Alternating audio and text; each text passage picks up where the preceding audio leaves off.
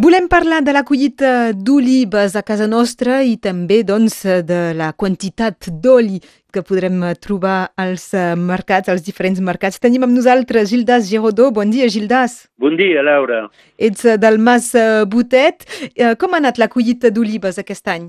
Mira, aquest any va, es va passar molt bé, vol dir, amb les condicions meteors. Aquest any era, era bona, hem tingut quasi pas de, de vent i una mica de pluja, però molt poc, i donc es va passar molt bé. Tu parles el del ten... moment de la recolta?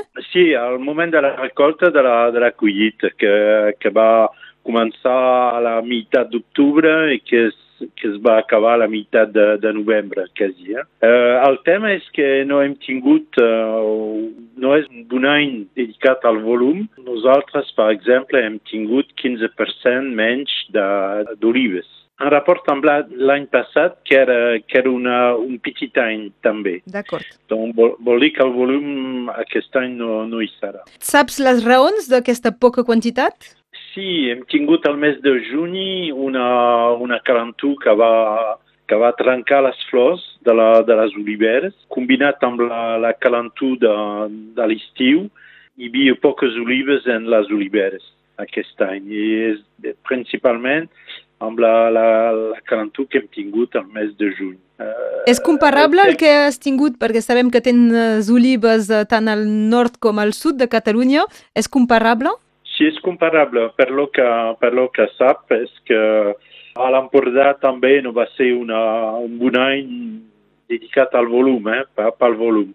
Però aquest any el volum no és aquí, però la, la qualitat hi és. Vol dir que aquesta sequesa que, que hem tingut aquest estiu va concentrar la, els aroms i coses així i, i, i tenim ara un oli d'oliu que, que té molt de gust i que és molt forta. L'oli, a més, és primerenc, ens has dit si heu acabat a mitjans de novembre i ara ja, ja es pot vendre, és que ben bé va ràpid, eh? Per nosaltres ho deixem quatre setmanes per una decantació, Vol dir que ara comencem a vendre el que, el que hem collit a, a, a la meitat d'octubre. Les primeres. Eh? Sí, les primeres. Són les primeres. És per això que, que els anomem l'oli de Nadal, perquè és la primera eh, saia a la venda a prop de Nadal. Un poc com el muscat de Nadal. sí, un poc. Però aquesta, aquest, aquesta primera oli té només quatre setmanes de decantació. Normalment posem quatre setmanes, eh, després canviem la, les cubes i etc. i ho deixem cinc setmanes més.